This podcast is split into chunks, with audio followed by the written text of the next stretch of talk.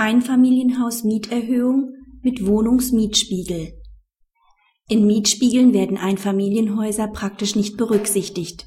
Soweit sich die verlangte Miete jedoch im Rahmen von Mehrfamilienhäusern hält, ist eine entsprechende Anwendung möglich.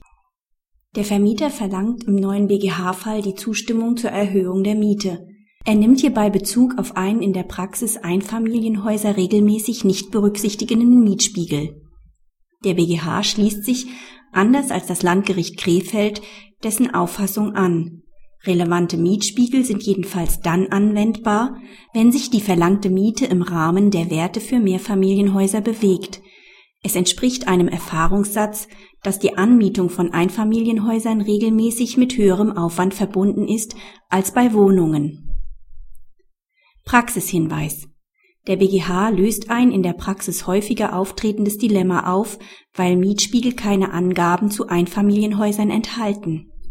Zurückzuführen ist dies darauf, dass für Einfamilienhäuser nur ein geringer Markt besteht und dass häufig Besonderheiten des Objekts die Miete erheblich beeinflussen.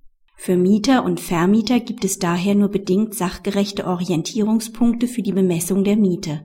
Die BGH-Entscheidung ermöglicht zumindest einen Rückgriff auf den Mietspiegel, wenn sich die verlangte Miete an den Werten von Mehrfamilienhäusern ausrichtet.